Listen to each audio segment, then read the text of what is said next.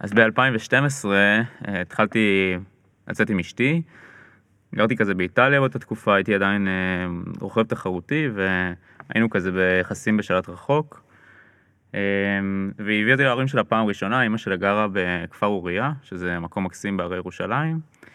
ובאותה תקופה היה לי איזה עניין כזה של כל מיני בעיות בריאות, דברים שקשורים לתכלס לסטרס, שלא ידעתי ממש לנהל אותו. אבל אמא שלה היא, היא רופאה והיא עשתה סוויץ' מהרפואה, מהרפואה המודרנית לרפואה אלטרנטיבית, היום מנהלת את מכבי טבעי. ואז היא אמרה לי בוא אני אעזור לך, יש לי משהו בשבילך, איך, איך לפתור את זה. ואמרה לי אתה צריך לשבת על הסלון פה על הברכיים, תרים טיפה את החולצה וטפטף טיפות הומאופתיות לתוך הטבור שלך. עכשיו אתה יודע זה יותר אוקוורד מזה כאילו באמת אין אבל אמרתי טוב בכל זאת פעם ראשונה אצל ההורים וזה אני זה בפעם הראשונה אני אזרום עם זה כן וואו. ואני יושב ואתה יודע עושה, עושה את מה, ש, מה, ש, מה שציוו עליי לעשות. הפופיק? כן לתוך הפופיק כזה אתה יושב על הברכיים ושם ציפות לתוך הפופיק וכנראה זה אמור לעשות איזשהו אפקט שלא היה לי ברור מהו. ואיך שאני עושה את זה הדלת נפתחת ונכנס אבא של של שני של אשתי אז היא לא הייתה אשתי הייתה חברה אתה יודע די טריה סך הכל כן. והוא שני מטר גובה וההורים גם גרושים הם לא גרים ביחד וזה למעשה הייתה הפגישה הראשונה שלי איתו שהוא רואה אותי ככה על הס- בסלון אני מטפטף אה, טיפות הומאפתיות לתוך הפופיק. אה, הוא הוא לא התרגש. יותר מדי זה היה נראה כאילו כאילו הוא מכיר את כן. הסיטואציה אני לא יודע איפה לקבור את עצמי אבל אוי אוי אוי. כן. איך יצאת מזה?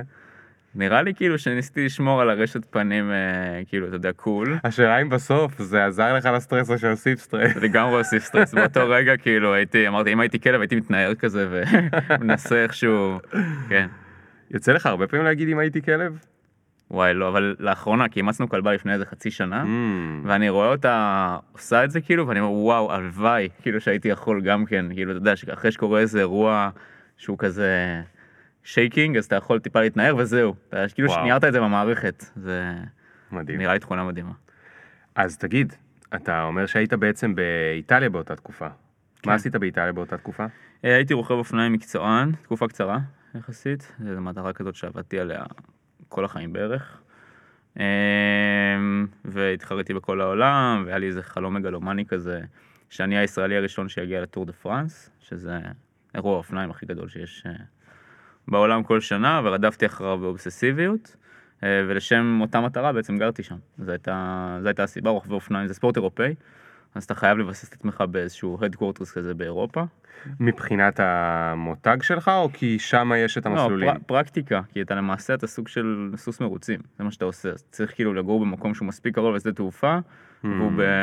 אתה יודע, אם אתה גר בישראל זה ארבע שעות טיסה לאירופה, שזה רוב המרוצים נמצאים שם, וגם רוב השותפים לאימונים הם, אה, הם נמצאים בא- באותו אזור, ואתה מחפש, מחפש מקום שהוא אסטרטגי, שהוא ticking all the boxes, גם שמאפשר לך אה, לטוס בקלות, וגם שאתה יכול להתאמן בו ויש מזג אוויר יפה, ואוכל Mm. טוב, וכאילו יש, אה, יש כזה, זה wish list שצריך.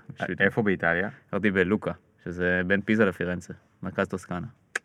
מקום יפה, כן. נייס. אה, טוב, רן מרגליות, אנחנו ניתן רגע למוזיקה את הכבוד שלה, ונתחיל בעוד שנייה.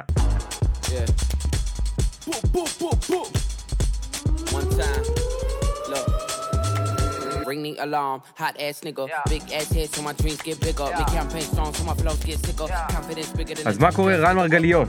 אחלה. אה, באיזה גיל התחלת לנסוע על אופניים? התחלתי לרכב בגיל 12. וכמה מעצבן אותך שאומרים לנסוע על אופניים?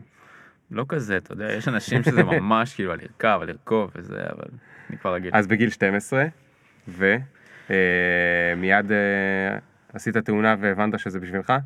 משהו כזה. התחלתי, התחלתי כצ'אבי בוי, הייתי למעשה הילד הכי לא ספורטיבי בעולם. אה, זה כאילו ממש אופניים זה עבורי היה באמת איזה, אני יודע, סוג של סיפור סינדרלה כזה. אבל אה, התחלתי לרכב במקרה, מה זאת אומרת סיפור סינדרלה? הייתי ילד אבוד, אה, ספורט היה הדבר הכי רחוק ממני בחיים. אה, אני חושב שבמידה רבה זה היה... מה זאת אומרת אבוד? היום אני יודע להגיד את זה בדיעבד, אתה יודע, אתה מסתכל על זה במבחן הזמן, אבל הייתי ילד שבמידה רבה, אני חושב, הדימוי העצמי שלי היה מאוד נמוך, בעקבות איזה חוויה שלי הייתה, אתה יודע, שילוב של עודף משקל ותחושה של בדידות. גדלתי בבסיסים של חיל אוויר, אבא שלי היה איש חיל אוויר, ונדדנו בין בסיסים, אבל יש גם את העניין הזה שאתה כל הזמן מתנתק, כן, מתחבר, אתה לא מצליח איזה... לעשות שורשים. כן, ולי, אני חושב שהסיפור הזה, האיפה אני ביחס לחברה, הוא היה לי מאוד משמעותי. ו... והתחושה הכללית שלי, שאני מסתכל לאחור, הייתה שב... שבמבחן הזמן, ש... שהייתי ילד די בודד. Mm. ולא היה לי באמת אה, איזשהו, איזושהי קרבה ל... לא יודע מה, לקבוצת חברים משמעותית, שתאפשר לי באמת איזשהו כר תמיכה כזה, שמאפשר לך לעבור את כל, ה... את כל השיט שהגיל הזה יכול להביא. כן. והאופניים, במידה רבה שהגעתי אליהם בטעות, רק בגלל שרציתי להוריד משקל. כי אמא שלי נראה לי חשבה שאם אני אוריד משקל, אז ישפר את הדימוי העצמי, ויאפשר לי כאילו, אתה יודע, בטח למצוא יותר חברים יותר בקלות. אז האופניים כאילו היוו עבורי גם סוג של איזה חבר או חברה הכי טובים, וגם פלטפורמה באמת לאיזה תהליך של להמציא את עצמי מחדש. שזה היה, זה היה מטורף. אה, באותו, זה ממש כאילו נפל על קרקע מאוד פוריה, ממש הייתי זקוק לזה.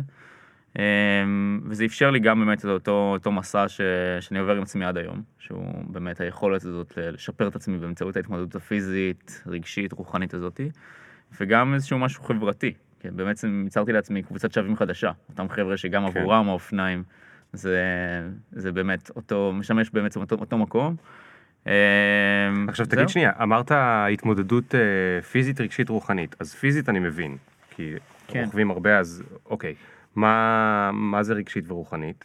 איך זה קשור? אה, אז למי מאוד- שלא ספורטאי ולא מבין. ברור. אני חושב שזה קורה בכל ענפי הספולת, שאתה סובל בהם, כאילו שזה ריצה ושחייה גם, כי למעשה יש שם איזה משהו מתמשך, אבל אם אנחנו חושבים על זה, אז בסוף אחד הדברים ש, שקורים ברכיבת אופניים, ש, או שקורים גם בריצה נגיד, ובעוד ענפי, כאילו בכל מה שאתה עושה באופן מתמשך, שאתה צריך באיזשהו שלב, נגמר לך האנרגיה. ואתה צריך להתחיל להביא אנרגיה בעצמך, כאילו במקומות פנימיים. ו... וכנער מאוד לא ספורטאי, ש... שהתחיל לרכב כאילו רק כדי להוריד משקל, אז זה הגיע די מהר, כאילו אתה לא בכושר, כן. כן?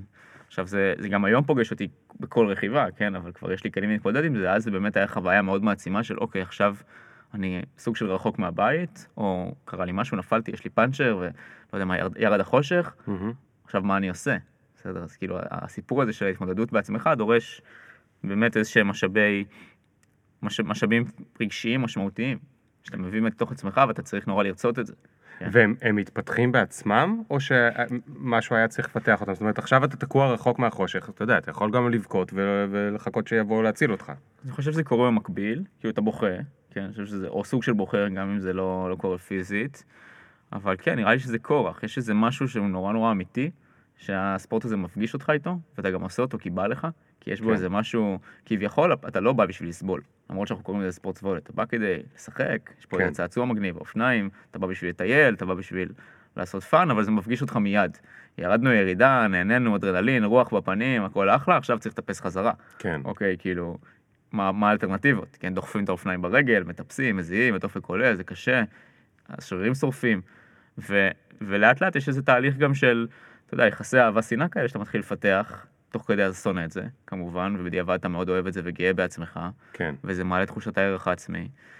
ו... וזה הביא אותי ל... למסע מטורף. אז בעצם הסינדרלה, הסיפור סינדרלה הזה בעיניי הוא כאילו הגיע לאיזה סוג של פיק בגיל 16. התחלתי לרכב על אופניים בגיל 12 כילד צ'אבי, ו... ונשאבתי לתוך התחום, אי אפשר להסתכל על זה אחרת, ובגיל 16 אה, התחלתי להתחרות והגעתי לנצח בפוקס את אליפות ישראל לנערים. עכשיו, מה זה בפוקס? זה בפוקס מנצחים כי- בפוקס?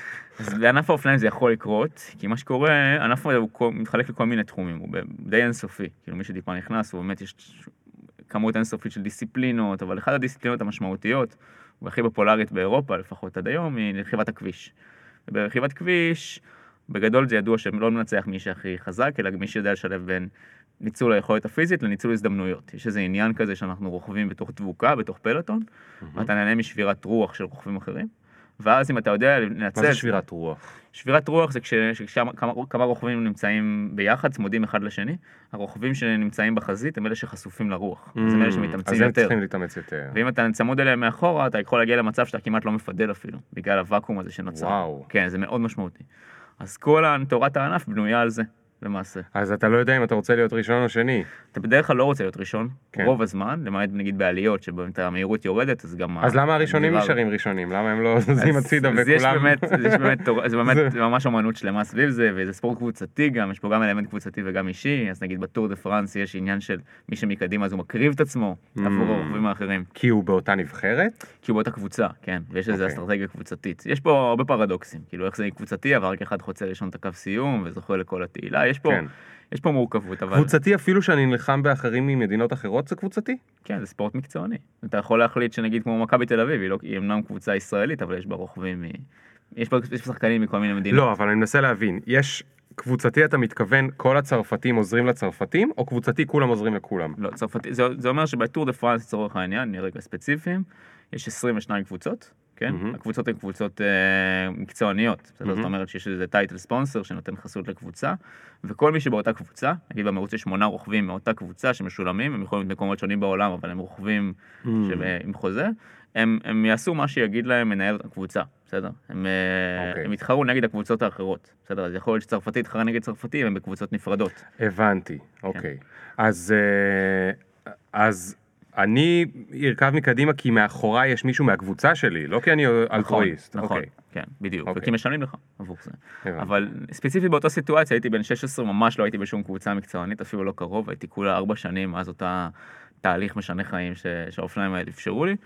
וניצלתי הזדמנות, ראיתי חבר'ה שבאמת משחקים בטקטיקה הזאת של, של מי יהיה הפראייר שנמצא מקדימה מסביב לרוח, ופרצתי קדימה, איזה מהלך כזה against all odds, ו- והצלחתי בפוקס לנצח, ממש לא הייתי הכי חזק, אפילו לא בין העשרה הכי חזקים בתחרות, וזה היה חוויה משנת חיים עבורי. כי אני הפכתי בארבע שנים מלהיות הלכלוכית שאני הסתכלתי על עצמי, בסדר? זה שלא אמור להיות שמה, ופתאום אלוף השכונה, שכאילו אלוף השכונה זה, זה חוויה שאתה אומר בואנה, כאילו אין, אין דברים יותר גדולים מזה, זה הרבה יותר טוב מאשר אלוף העולם. כן, אלוף השכונה. ו... אבל היית אלוף הארץ בעצם. זהו, אלוף, אלוף, אלוף הארץ, זה, זה באמת, זה היה איזה משהו כזה שעבורי זה היה מאוד משמעותי, ואתה יודע, בדיעבד אני מסתכל על זה, היה כאילו fucking כלום, אבל עבורי זה היה מאוד משמעותי, וזה היה יוני, אה, כי אליפויות הארץ תמיד מתקדמות ביוני, יש איזו הקפה כזאת באזור בית גוברין, באיזה כבישים שכוחי אל, ששם אפשר לסגור את הכבישים יותר בזול, שאיגוד האופניים בית מקיים גוברין שם מרוצים. מסוכן, יש אה, בורות בבית גוברין. אה, על הכבישים לא, הכבישים אוקיי. זה בסדר. ו, וכמה שבועות אחרי זה שידרו, שידרו ביורוספורט את אותו מרוץ אופניים שבדיעבד שינה את חיי, את הטור דה פרנס.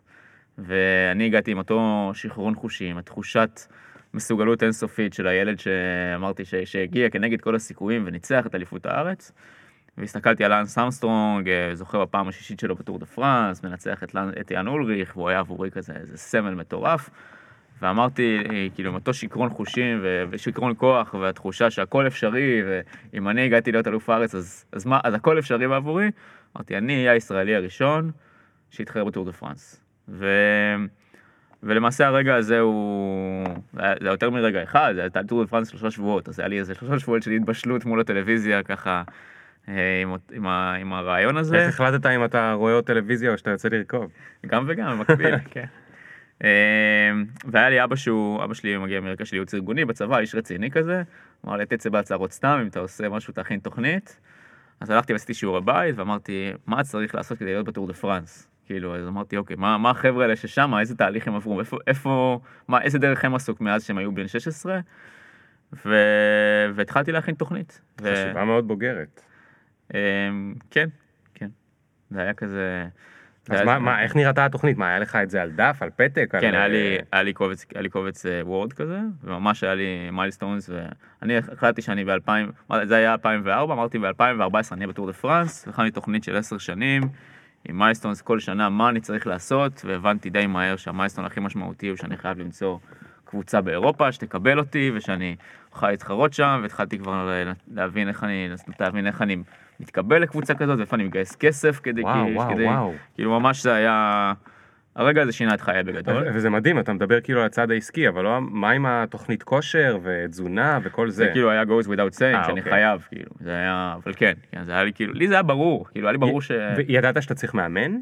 כן, היה אגב, היה לי מאמן, הייתי בתוך העולם הזה, אוקיי. כאילו, חייתי את זה 24/7, לא היה לי משהו אחר בחיים. כן. באמת, זה היה... אז איך היה בבית ספר אגב? לא הייתי הרבה, כאילו, הייתי, אבל הייתי נוכח נפקד כזה, לא כן. לא באמת, אה, לא הייתי פרזנט. וההורים לא עשו לך צרות? אה, אתה יודע, יש לי איזה תכונה כזאת של רוכבי אופניים שאתה יודע להדחיק טוב, אני זוכר את זה כמשהו שהיה כאילו, כאילו דייג'סטיבל כזה. היה- למה, למה רוכבי אופניים מדחיקים טוב? מה זאת אומרת, זה, זה כלי נרכש, אתה סובל כל היום על האופניים, זה ספורט שאתה נורא נורא סובל, צריך, זה כמו, כמו אישה שהיא יולדת, אתה צריך, אה, צריך להיות מסוגל להדחיק, זה כושר, אה, כן, זה איזושהי תכונה נרכשת חשובה. אני זוכר את התיכון כ... כאיזה, כאיזה משהו שהייתי צריך לסיים אותו, לא כן. שהוא באמת לא משמעותי, לא, לא שהיו לי חוויות משמעותיות, אבל הרכיבה באמת, הרכיבה באמת עיצבה אותי. אה, ו... ובאמת בעצם השנה הזאת, השנה הראשונה הזאת למעשה, בעיניי אני חושב, בראי ההיסטוריה, אני מסתכל ואני אומר, זה, זה אולי היה אחד, ה, אחד המתנות הכי גדולות שיכולתי לקבל אה, עבור, עבור, עבור אני הבוגר היום.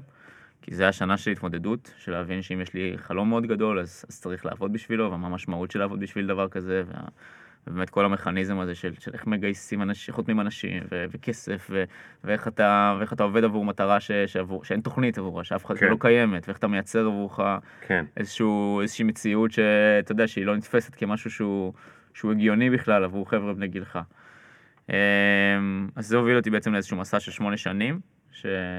שהוא, אתה יודע, מסתבר על זה היום באיזה אנקדוטה, אבל זה באמת היה, היה תהליך מאוד מעצב כזה, שבאמת הוא, הוא נתן לי בצבא נתנו. לך לרכב? הייתי ספורטאי מצטיין, Hmm. עשיתי צבא גם, ספורטאי מצטיין וגם גם התנאים של ספורטאי מצטיין לא הספיקו לי, אז הייתי לוקח uh, דחיות שירות, הייתי עושה צבא בהמשכים. כאילו עשיתי את השירות הצבאי שלי על איזה ארבע וחצי שנים בסוף. Um, ומה שקרה בסוף זה שהגעתי מאוד מאוד קרוב לחלום הזה. נדדתי ברחבי אירופה ועברתי אינסוף אתגרים, הגעתי לקבוצה שאז הייתה הראשונה או השנייה הכי טובה בעולם. אה, צירפו אותך לקבוצה. צירפו אותי לקבוצה ו- וקיבלתי את ההזדמנות של חיי, ולא הייתי מספיק טוב. וזה עבורי היה כאילו שברון לב מטורף. רגע, מה זה קיבלתי את ההזדמנות של חיי? בעצם יש... זה כמו בכדורסל, יש מי שעל המגרש ויש מי שיושב על הספסל, ואז צריך להחליט מי באמת ייסע כן. בטור דה פרנס. זה, זה ענף שבארץ עכשיו התחילו טיפה יותר להכיר אותו, אה, אבל אה, בשנים האחרונות, תכף נספר על זה, אבל כשאני הייתי, הייתי נער הוא לא היה קיים בישראל, הוא לא באמת, אבל באירופה הוא היה הענף השני או השלישי הכי חשוב, אחרי נגיד כדורגל ופורמולה 1, וואו. אולי, מבחינת, אה, מבחינת פופולריות, טור דה פרנס הוא אירוע הספורט הכי נצפה בשנה בעולם, הוא שלישי בגודלו רק אחרי המונדיאל וה, והאולימפיאדה. וואו. שקורים אחת לארבע שנים, אז באמת זה ספורט שהוא מאוד מאוד אהוד, ואתה כקבוצה מקצוענית, אתה שולח סגלים במקביל אה, למקומות שונים בעולם, וזה Mm. ממש כאילו סוכנות שחקנים כזאת, כן, שאתה מתחרה כל הזמן, ולהיות... זה מטורף שהקבוצה היא לא פר מדינה, זה כאילו... כן, זה לא, זה לא נבחרות לאומיות, זה, כן. כמו, זה כמו שקורה נגיד ב- בליגת האלופות. אה, אוקיי, בעצם נכון. כן. נכון. עכשיו, אה, הטור דה פרנס הזה זה באמת כאילו גולת הכותרת שכולם רוצים להיות. בסדר, ואני אני באמת לא הייתי מספיק טוב בשביל להיות שם.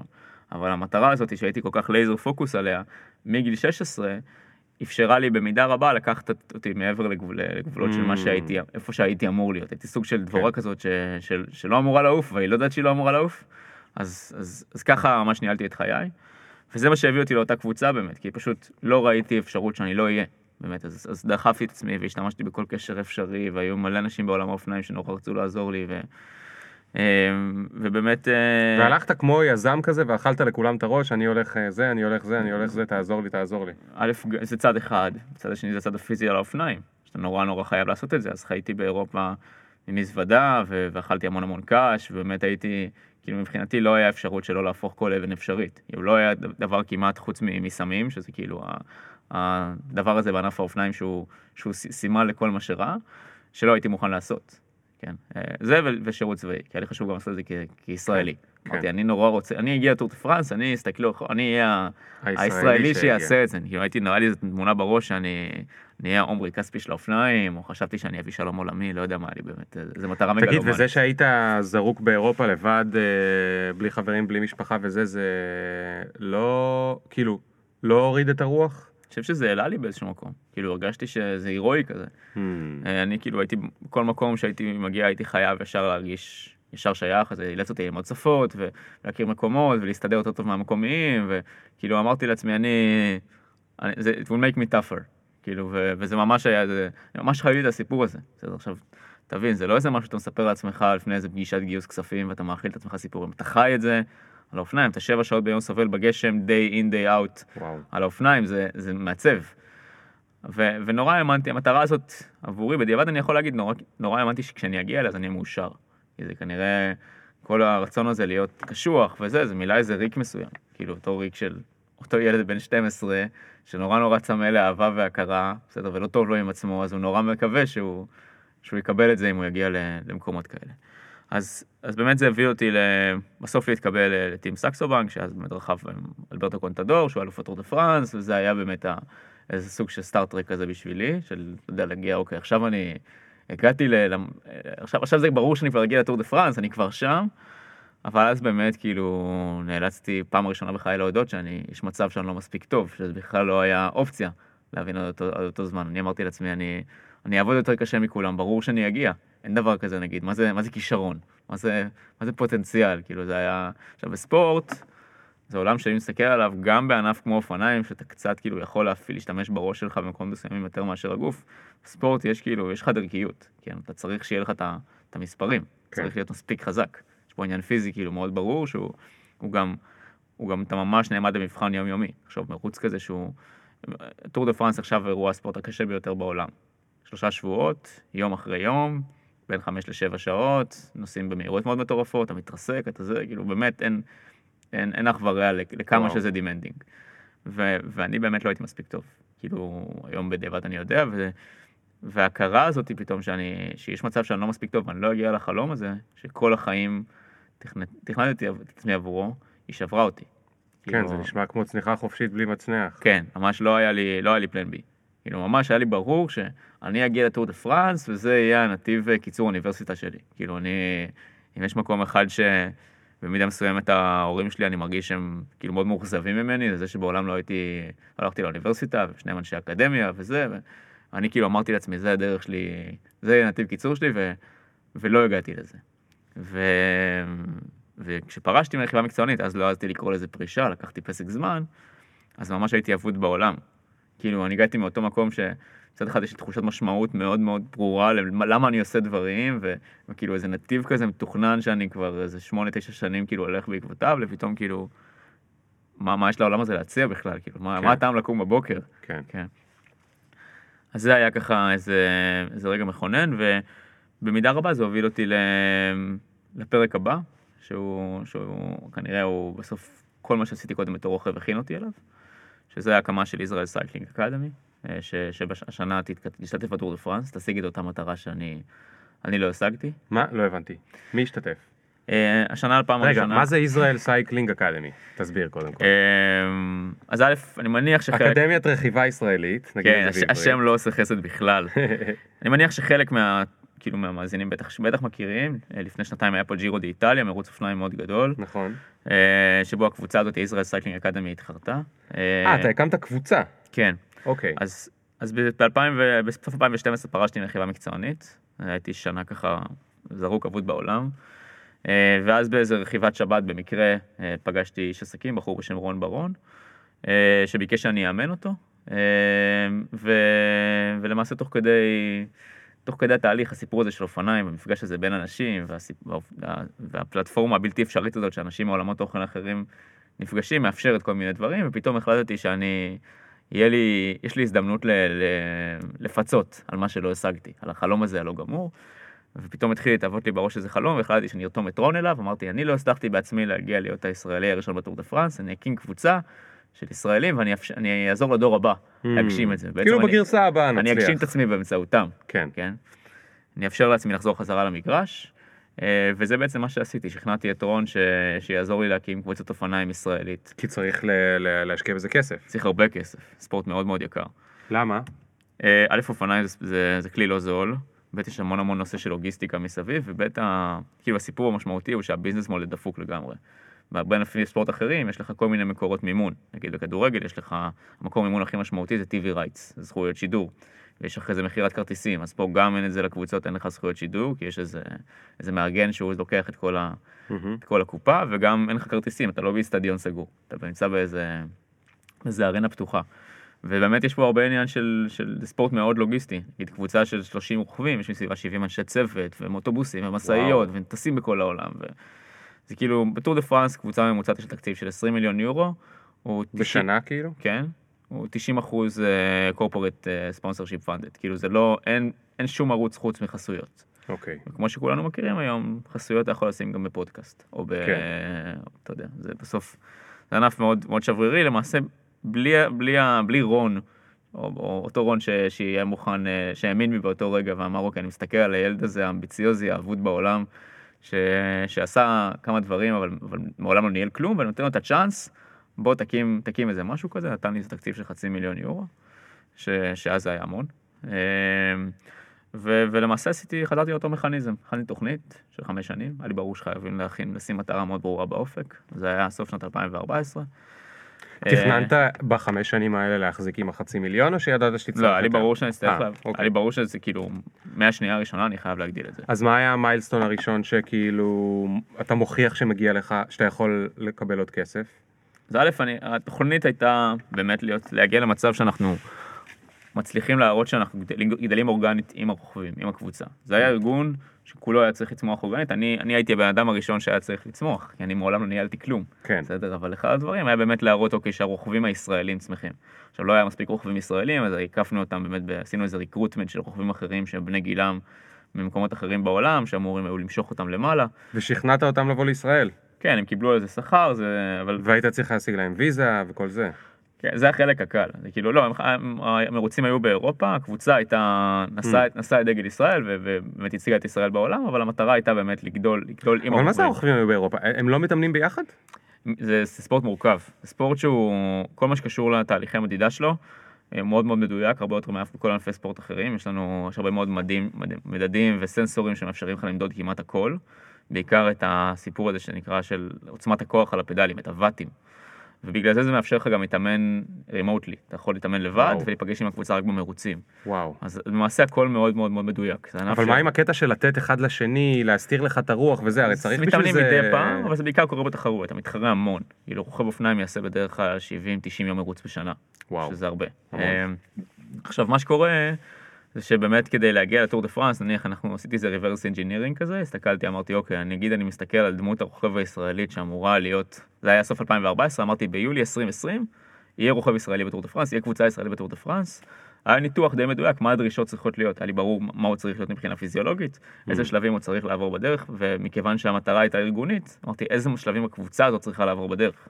זה היה לי ברור שאני חייב לגדול עקב בצד אגודל, אבל די מהר, ולהגיע למצב שבו אני גדל נגיד מחצי מיליון יורו בדג'ט ל-15 מיליון יורו, כן? שנה קודם. שאני מצליח להגיע לזה שהרוכבים האלה שהם מעולם לא התחרו בשום דבר שקרוב לזה, בסדר? מגיעים למצב שהם די בטוחים, שהם המרוצים שקרובים לזה, הם שם. אז האתגר הכי גדול שלי באמת היה, היה חוץ מהסיפור הפיזי, איך אני גדל עם הרוכבים ומעביר אותם את הדרך, הייתה, היה באמת לגייס עוד כסף. כן, לראות איך אני מצליח להגיע למצב שכאילו, שיש, שאפשר בכלל להתקדם לשם. כן. ו- ודי מהר הבנתי שזה לא הולך לקרות. אה, ובסוף השנה הראשונה היינו מאוד קרובים לסגור, אה, כמו כל סטארט-אפ טוב, וזה היה סטארט-אפ לכל דבר ועניין. אה, ואני הבנתי שהסיפור שלי לא מספיק חזק. אני סיפרתי, תיארתי לעצמי איזשהו סיפור בראש, אמרתי, אנחנו נעשה ש- דיפלומטיה רכה, דיפלומטיה מודרנית באמצעות האופניים, הספורט הזה שמחבר אנשים. אנחנו נשתמש בו כדי באמת אה, לה- להראות את ישראל האחרת, וגם יש פה איזה עניין שבאמת בכל העולם הספורט הזה מאוד מאוד צומח, כאילו, אתה רואה את זה בטח בעצמך, אבל all over יש לך רוכב אופניים, אמרתי, אנחנו באמצעות זה נייצר יש מאין, ואני, המקורות גיוס שלי יהיו מאותם, אני לא אצליח להביא כנראה איזה... איזה corporate brand שישימו את עצמם ליד ישראל, כי הרבה ברנדים מעדיפים להסתיר את השייכות כן. שלהם לישראל, כן. גם פה מבית. אז אני כן אחפש את רוכבי האופניים הצפון אמריקאים, ש... שיש עם הזיקה היהודית, עם הזיקה, עם הזיקה הציונית, Mm. שירצו לתמוך בזה. כאילו זה היה הגיימפלן שלי, אוקיי, זאת אומרת אה, פילנטרופים יהודים. פילנטרופים יהודים חובבי רכיבה. כאילו כן. היה צריך פה איזה אלמנט מקשר. אמרתי, כן. אם, אם אוהבים, אוהבים לרכב בעצמם, אז יש פה איזה עניין של שייכות, וזה לא עבד.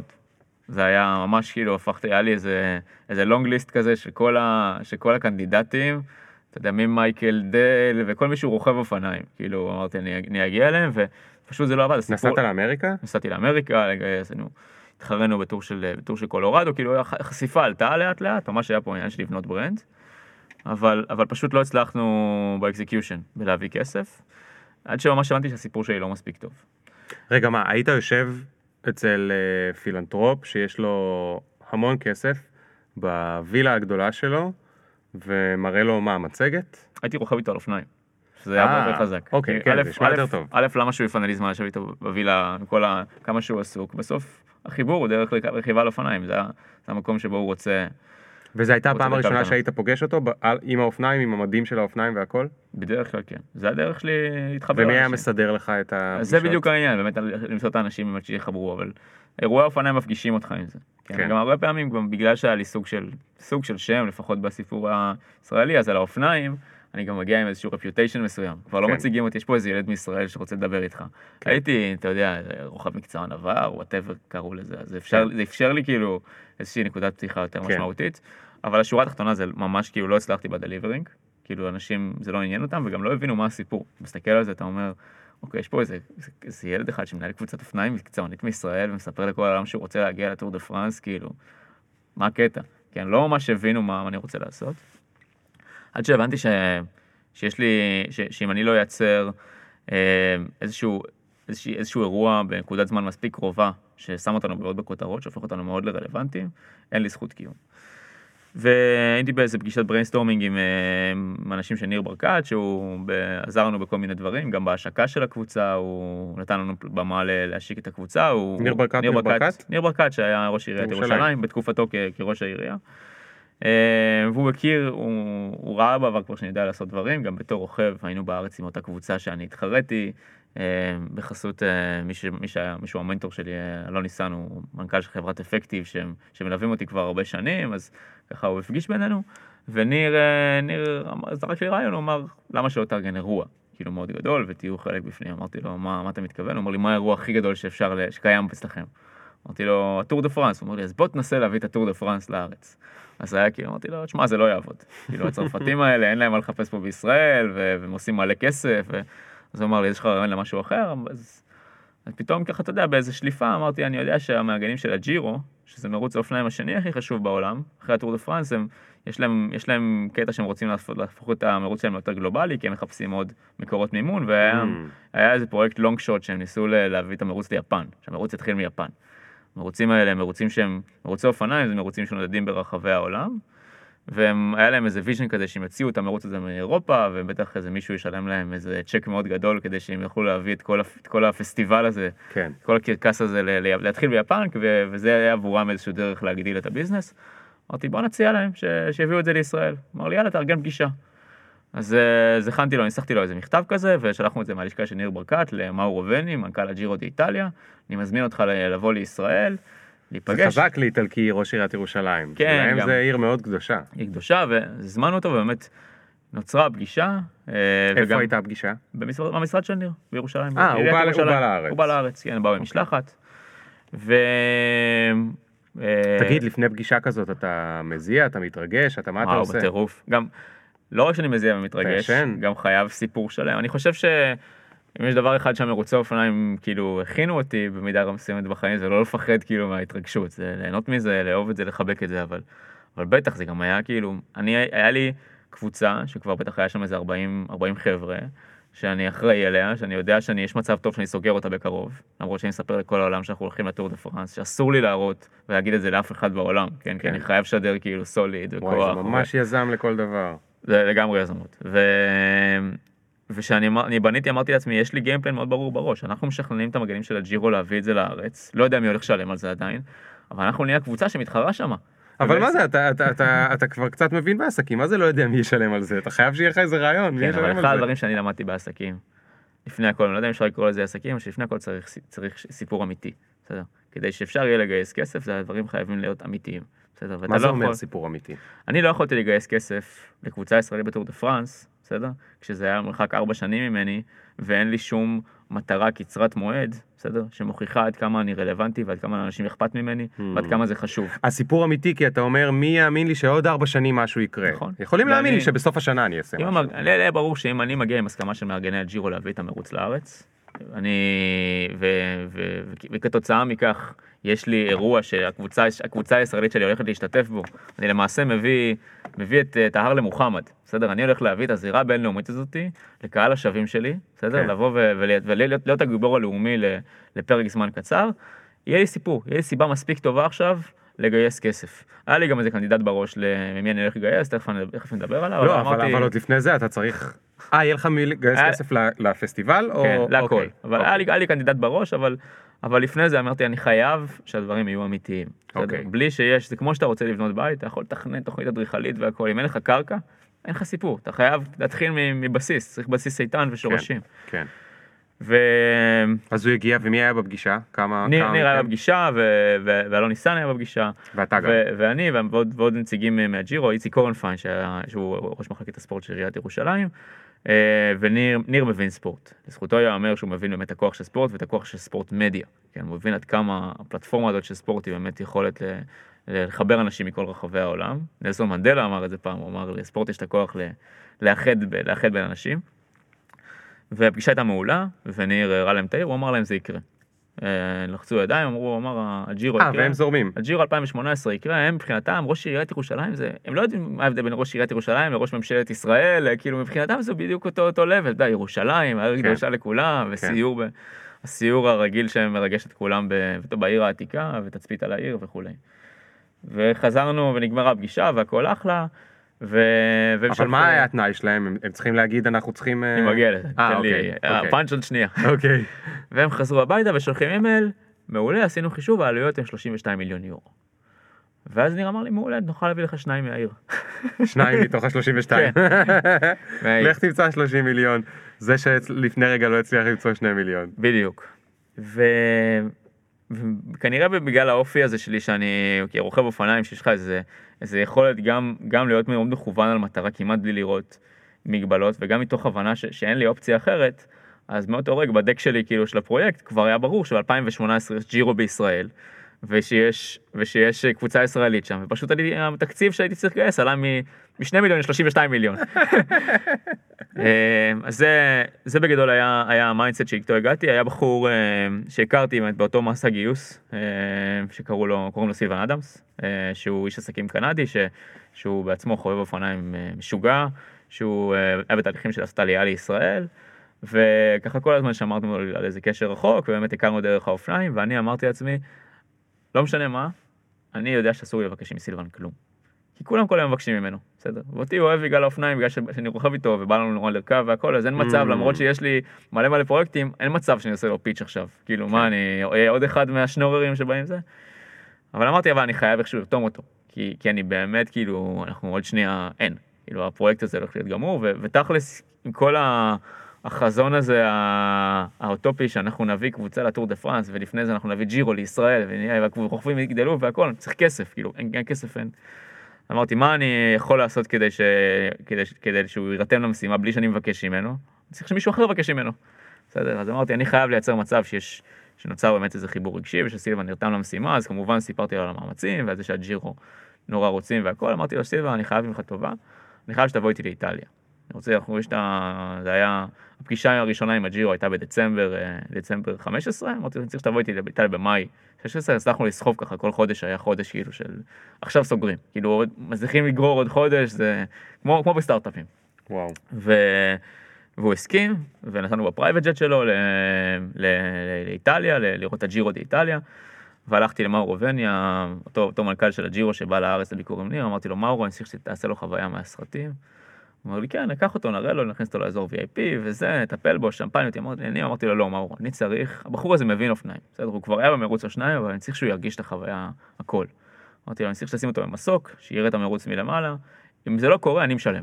עכשיו, לא היה לי מאיפה לשלם, ברור לך, כן? כאילו, כנראה שהייתי צריך לפרוס את זה לכמה שנים אם מה לא טובות. קורה? זאת אומרת, אתה ביחד, תכחת מזימה ביחד עם מאורו, ראש מה- הג'ירו, מאורו הבין, שהוא הבחור שיכול לסדר לכם איכשהו את ה-30 מיליון. מאורו הבין כבר, בסדר? שהרעיון הזה של להביא את המרוץ לירושלים, שכבר עטפנו אותו במלא רגש, והוא בעצמו כבר נורא נורא התאהב בו, והוא נהיה איזה משהו שהוא נורא, נורא מתגאה בו ורוצה שהוא יקרה, הוא הבין שאין לזה, שאין לזה מימון, כן? כן. כאילו, הוא, הוא לא טיפש. כן. בסדר? הבנתי, אמרתי לו, תשמע, העירייה פה רוצה והכל, והיא תיתן לכם אכסניה ואחלה, אבל יש פה עניין של כסף לפתור. אמרתי לו, אם, אם זה לא סילבן, כאילו, אני לא רואה מישהו אחר שישלם על זה, אבל כבר באתם עד לישראל ועשיתם מאמץ והכנו מצגות וכאילו, give it a chance. אה, והוא עשה לי ג'סטה והסכים לשכור שני מסוקים. אה, וכאילו, בידיעה ברורה שאם אם- אם אין דיל, כאילו, אם אנחנו לא מצליחים לר- לרתום את סילבן, אה, אני משלם על המסוקים האלה, כאילו שיהיה, ברור. אז... ובאמת סילבן התרגש מאוד מהמרוץ וגם מכל הסיפור, והאמת היה פה באמת סיפור מאוד מרגש לכשעצמו. כאילו העובדה, במקרה אני הייתי המתווך של הסיפור הזה, אבל העובדה שהמארגנים של הג'ירו דה איטליה מוכנים להביא את המרוץ הזה לישראל, על אף זה שברור שהם הולכים לחטוף לגמרי מהתקשורת הבינלאומית ו-BDS ומי יודע מה. אה, הוא, לכשעצמו היה סיפור חזק, וסילבן בא למאורו ואמר לו, מאורו, אני אדאג שהמרוץ הזה יגיע לארץ, יש לך את המילה שלי. וואו. וכשהוא אומר לו את זה, זה היה באיזה ארוחת ערב באסיסי, שזו עיר מאוד יפה באומבריה, דרומית לטוסקנה, אני כזה הייתי... אמרתי, אוקיי, כאילו, הבחור הזה, אני לא יודע איך זה להגיע, אבל אני יודע שהמילה שלו חשובה לו. כאילו, והוא הוא, הוא לא יאכזב את האיטלקים, כאילו, זה, זה היה יותר מיום אחד, היה תהליך, כן. אבל... אם, ואם, הוא יעש, ואם, ואם זה יקרה, אז, אז יהיה קבוצה ישראלית, ואם יהיה קבוצה ישראלית, אז אנחנו, we are safe.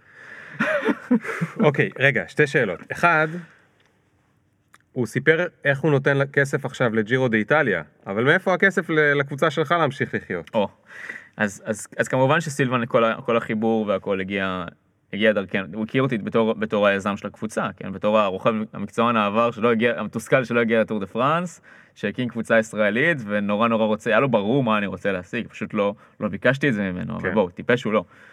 אבל, אבל במידה רבה, כאילו, זה, זה ייצר, ייצר לו סיבה לתמוך בקבוצה, בסדר, כי עד אותו יום הוא, אוקיי, הוא היה חבר אוקיי. ורחב, והוא מאוד, אבל הוא לא תמך. בסדר, ועצם העובדה ש, שניצר נוצר, נוצר לו פרויקט משלו, בסדר, למעשה סילבן ראה את עכשיו ה... סילמן מבין מביא את ג'ירו איטליה כן, לישראל. כן, לגמרי. זה, זה, באותו, באותו יום, בסדר? זה הפך מאיזה רעיון יזמי של רן, בסדר? זה הפך להיות לגמרי פרויקט של סילבן, בסדר? ו, והוא, והוא, והוא לגמרי התייחס לזה ככה, הוא רץ בכל המדינה, ו, והלך לרתום את כל משרדי הממשלה, והם עשו לו את המוות, ובסוף הוא שילם על הרוב המוחלט של הסיפור הזה בעצמו. סילבן הביא את הג'ירו לאיטליה לישראל 2018, אירוע הספורט הגדול ביותר שהיה במדינה הזאת אי פעם, כן? אה, 800 מיליון צופים בכל רחבי העולם, כמעט מיליון ישראלים יצאו לכבישים, היה פה קמפיין, אתה זוכר, תקשורתי גדול, כן, בר רפאלי, כן. עניינים. קבוצה ישראלית שהתחרתה שמה, בגלל שהוא, שהוא לקח את זה כפרויקט שלו. כן. הרעיון שלי זה החלק הנחמד ואתה יודע, ובדיעבד רומנטי, אבל, אבל בסופו של דבר צריך, כאילו, מישהו צריך לבוא ולשלם על כל ה... כן. כל ותגיד, הזה. סילבן קיבל, אה, חוץ מתהילה מהחבר'ה שאצלו ומכירים את זה, הוא קיבל איזושהי חשיפה מספקת, אה, חושב שכן, שהוא היום, אה, במידה רבה זה היה אולי הפרויקט שיכניס אותו. סילבן מאוד מעורב בהרבה מאוד מיזמים פילנטרופיים בישראל. אה, הוא במידה רבה ג'ירו גם שם אותו כאחד הפילנטרופים הדומיננטיים במדינה. אני חושב שהוא אבל הוא באמת ציוני, ציוני גדול. כן, הוא עושה את זה, הוא גם ציוני גדול והוא גם אוהב אופניים מאוד. וגם האירוע הזה באמת היה הוכחה של הטענה הזאת ש, שזה הרבה יותר מספורט. כן, שהוא באמת דיבר על זה שמדובר ב, באירוע מדיה מאוד גדול, שיכול לחבר את העולם ולהראות את הישראל הנורמלית בזווית אחרת, לאנשים שהם, שהם כאילו, שהם קהל שבוי, כן. שאתה מסתכל עליהם, אז, כן. אז במידה רבה זה הוכיח את זה. ו- ומה עם משרד התיירות? איך משרד התיירות לא שילם את כל הכסף? מוצאים מלא אז- כסף על פרסום, והרי אה, רואים כל הזמן צילומים של כל מדינת ישראל. אז משרד התיירות המשרד היחיד שדווקא כן שילם קצת. אגב, הם היו ההצלחה הראשונה שלי באותו, באותו פרק זמן שבו לא הצלחתי להביא כסף מאף אחד, אז מהם כן הצלחתי, זה היה באמת איזה, עבורי איזה, איזה, איזה סימני נפט קטנים שאני נשבתי מהם המון אנרגיה, הצלחתי להביא חסות מסחרית לקבוצת אופניים, משרד התיירות הישראלי, אמרתי בואנה, כאילו governmental funding זה, זה משהו כזה של, אני, יש לי פה איזה, איזה ביזנס קייס, אבל, אבל האמת היא ש, שבסוף כאילו אתה מסתכל על זה ואתה אומר, כאילו, על אף זה שאנחנו נורא נורא רוצים לחשוב שהם כולם ישימו כסף, בסדר? כאילו למה? כי בסוף, בסוף זה מדינה, בסדר? ש, שנורא קשה לייצר בה יש מאין, ותמיד כן. צריך איזשהו יזם, בסדר? וכדי, והם כולם חשופים, אנחנו מבינים היום יום בחירות. אה, בטח שזה ישודר כבר, זה יהיה, אחרי נדע מה, הסיפור, אבל כאילו הם, כולם בסוף מפחדים נורא מדברים חדשים, כן? הם כאילו נורא מפחדים מביקורת, הם נורא מפחדים מכספי משלם המיסים, הולכים לאיזה כן. משהו כזה שהוא... כן. אז, אבל אחרי שמישהו עשה את זה פעם ראשונה, אז באמת יש פה איזו סיבה למסיבה. אה, תגיד, עוד שאלה אחת מהצד השני של הדברים. אתה, נגיד, ביום הזה שהייתה לכם את הארוחת ערב, אתה קם בבוקר, מה, מה הדבר הראשון ש, שקורה לך בבוקר? לא, נראה- לא ממש זוכר, אבל כאילו, אני, החוויה שלי זה לא לקום בבוקר, אני, אני ישן עם זה גם. כאילו, כיזם, או כ, גם כאילו כספורטאי, בעיניי, בעיניי כאילו אין דבר כזה, אין, אין איזה, זה לא מפסיק התהליך הזה. כן? כי הד- הדרך היחידה שלך לעשות דברים גדולים, בסדר? היא לחיות אותם 24/7, היא, היא לא לישון אותם, כן, היא להישאר להישאר ער את הבוקר, אבל, אבל כן, אני בן אדם שמאוד מתרגש עם הבטן, כאילו אצלי אני מרגיש, אה, מרגיש את הקפיצות הזאת שמה, אולי, אבל אתה מצליח לישון? כן, אני ישן סבבה, אני לא ישן המון, ישן מעט יחסית, אני חושב, לאנשים אחרים, אבל, אה, אבל כן, אז אתה קם בבוקר ישר עם הסוף של המחשבות מהלילה. כן, כן. אני, לא נראה לי שיש איזה סכמה אחת, כן? נראה לי זה מאוד משתנה, תלוי בסיטואציה. כן. אבל אני מאוד מכוון מטרה. כאילו, יש לי צד אחד מאוד אמוציונלי, ומאוד כאילו ממש... ותגיד, בכל הסיפור הזה, מתי היה הלילה ששוב, לא, כנראה שאתה לא זוכר, אבל בוא נגיד מבחינת התפיסה שלך את עצמך, מתי היה הלילה שכאילו הלכת לישון כמו שצריך? כי מספיק דברים הסתדרו. וואו. אה, קשוח. תמיד יש איזה משהו נוסף, זה גם סוג של דלק. לא, אז, אז, אז, אז, כי זה מה שרציתי קצת, כאילו אולי לראות אם, אם תגיד. אחרי שהג'ירו היה בארץ. או בלילה של ה... שאחרי השלב הראשון. אני בעצם מנסה לשאול במילים אחרות, אתה יודע לחגוג ניצחונות? כי אה, יזמים, יש יזמים מהסוג שלא יודעים לחגוג ניצחונות. אני נגיד די גרוע בזה. אני חושב שההגדרה של ניצחון אצלי השתנתה, אז היום אני יודע ליהנות גם כאילו ניצחונות קטנים. אני חושב שניצחונות גדולים לא ידעתי לחגוג אף פעם. תמיד היה, היה לי איזה צורך כזה שמשהו יהיה חסר, כי אני מתוך איזה פחד נוראי כזה שביום שבו אני אחגוג, אני אהיה נוח על דפנה, אז כאילו, אז אני עכשיו, אה, אני לא יודע מה, אני אהיה נורא נורא פגיע, ואני נורא, כאילו, אאבד את המהות בעולם, אז תמיד כאילו היה איזה סיפור, סיפור עצמי כזה כמו רוכב אופניים. תמיד יש עוד מרוץ, תמיד זה, עכשיו צריך להתכונן, כאילו, אף פעם אל ת... אה, אבל אני חושב שהמשמעות של ניצחון מבחינתי השתנתה. מה זה אומר? מה המשמעות של ניצחון מבחינתך היום? אני אשלים לך את הסיפור כדי שאולי זה, זה מתחבר אוקיי. ביחד. אוקיי. אז, אז אחרי אותו ג'ירו שהגיע לארץ, ובאמת, יודע, אז אני התפטרתי מהקבוצה. התפטרתי, לפני, באמת שם, זה היה ממש לפני. מה? מה? כן. רגע, מה? מה? לא הבנתי. כן, אז... אז, אז ג'ירו לאיטליה הגיע, ג'ירו איטליה הגיע, אה, הפרויקט הזה, הפרויקט הזה גדל בטירוף, כאילו הגענו ממצב שבאמת אותו קבוצה נגד כל הסיכויים, חצי מיליון יורו, שאני משכנע בשיניים את, אה, את המארגנים של הג'ירו ואת סילבן לקחת אותה, זה הפך להיות פרויקט של מולטי מיליון דולר, שהוא בבעלות סילבן ואיש העסקים רון ברון, שהוא כבר, הוא, הוא כבר גדול ממני, כן, אני הגעתי בתור, בתור איזה יזם חסר ניסיון, כנגד כל הסיכויים נורא רומנטי, ל- לאיזה משהו שהוא, שהוא, שהוא נורא נורא רציתי, שימלא לי את אותו, את אותו ריק. הטור, כן. החזון הזה שהטור דה פרנס, של האירוע המדיה הגדול בעולם הספורט, שיאפשר לי סוף סוף להיות שם, ואתה יודע, אני ראיתי איזה שה... בטח הריווארד הזה שאני אקבל, והפידבקים, והאהבה והכל, ימלא לי את אותו ריק, אבל פתאום הבנתי שזה, שאני כבר לא ממש צריך את זה. ושהתחלתי לשאול את עצמי הרבה יותר שאלות של, של משמעות, של, של איזה impact אנחנו עושים. אנחנו קראנו לקבוצה ישראל Cycling Academy, ולא רק ישראל Cycling Team, משהו כזה. היה שם איזושהי משימה חינוכית מאחורי הסיפור. אני נורא האמנתי שמה שהענף הזה עשה עבורי, האופן שבו זה אפשר לי, שזה העצים אותי, שזה אפשר לי להכיר עולם, שזה אפשר לי לייצר לעצמי קבוצת שווים אחרת, שזה אפשר לעצמי לרצות לתת בחזרה גם, מהמקום שבו הייתי עסוק רק בעצמי כרוכב אופניים, היה פתאום לייצר משהו עבור אחרים, האמנתי שיש פה משימה חינוכית. כן, נורא, נורא ראיתי את זה ככה, אני גם גדלתי בבית כזה, אמא שלי דוקטור לחינוך, וכאילו זה, ו... ופתאום התחלתי לשאול את עצמי את השאלות, אמרתי, אוקיי, סבבה, אנחנו, אנחנו עוברים את ה milestones האלה, ticking all the boxes, סבבה, אבל איזה impact אנחנו משאירים? כאילו, הג'ירו דה איטליה הזה, האירוע המטורף הזה שעלה יותר מ-32 מיליון יורו, בסוף לארגן אותו, בא וחלף כמו הוריקן במדינה הזאת ולא עשה כלום, ו... או לפחות בתפיסה שלי של מה זה צריך לעשות, ואני נורא, היה לי איזה חזון כאילו בראש, אמרתי לעצמי, הייתי כל כך, כל כך נאיבי, שאמרתי, אני כבר אגיע למטרות האלה, ואחרי זה כבר, כבר סדרי עולם השתנו. כאילו, אני דמיינתי שאני אוביל תהליכים מלמעלה, ואני אהיה כזה, אתה יודע, כמו איזה, איזה קרן שמתמרצת יזמים, ואני אראה להם איך עושים את זה, ואני, ואני אגע ב, אתה יודע, בשמנה והסלטה, ואני איזה קפיטליסט כזה ש, שמביא לפה אירועי ענק ומחבר בין כוחות, והאנשים הקטנים בשטח כבר יקלטו מה צריך לעשות ויעשו פה את התהליכים. פתאום הג'ירו הזה היה סטירת לחי מטורפת, גם ש... מכל כיוון, גם מהכיוון האישי, שאמרתי, שמע, טור דה פרנס הזה לא יעשה אותי מאושר. כאילו, אנחנו כבר, כאילו, אנחנו נגיע לטור דה פרנס, סבבה, אני... כבר בן כמה אתה כשאתה מבין את זה? אה, 29, אוקיי. לפני שנתיים, אז אתה, אתה ארבע שנים אחרי שהפסקת להיות אה. מקצוען בעצמך. נכון. כן. כן. ארבע, חמש שנים, ארבע שנים. וזה זה ממקום אחד.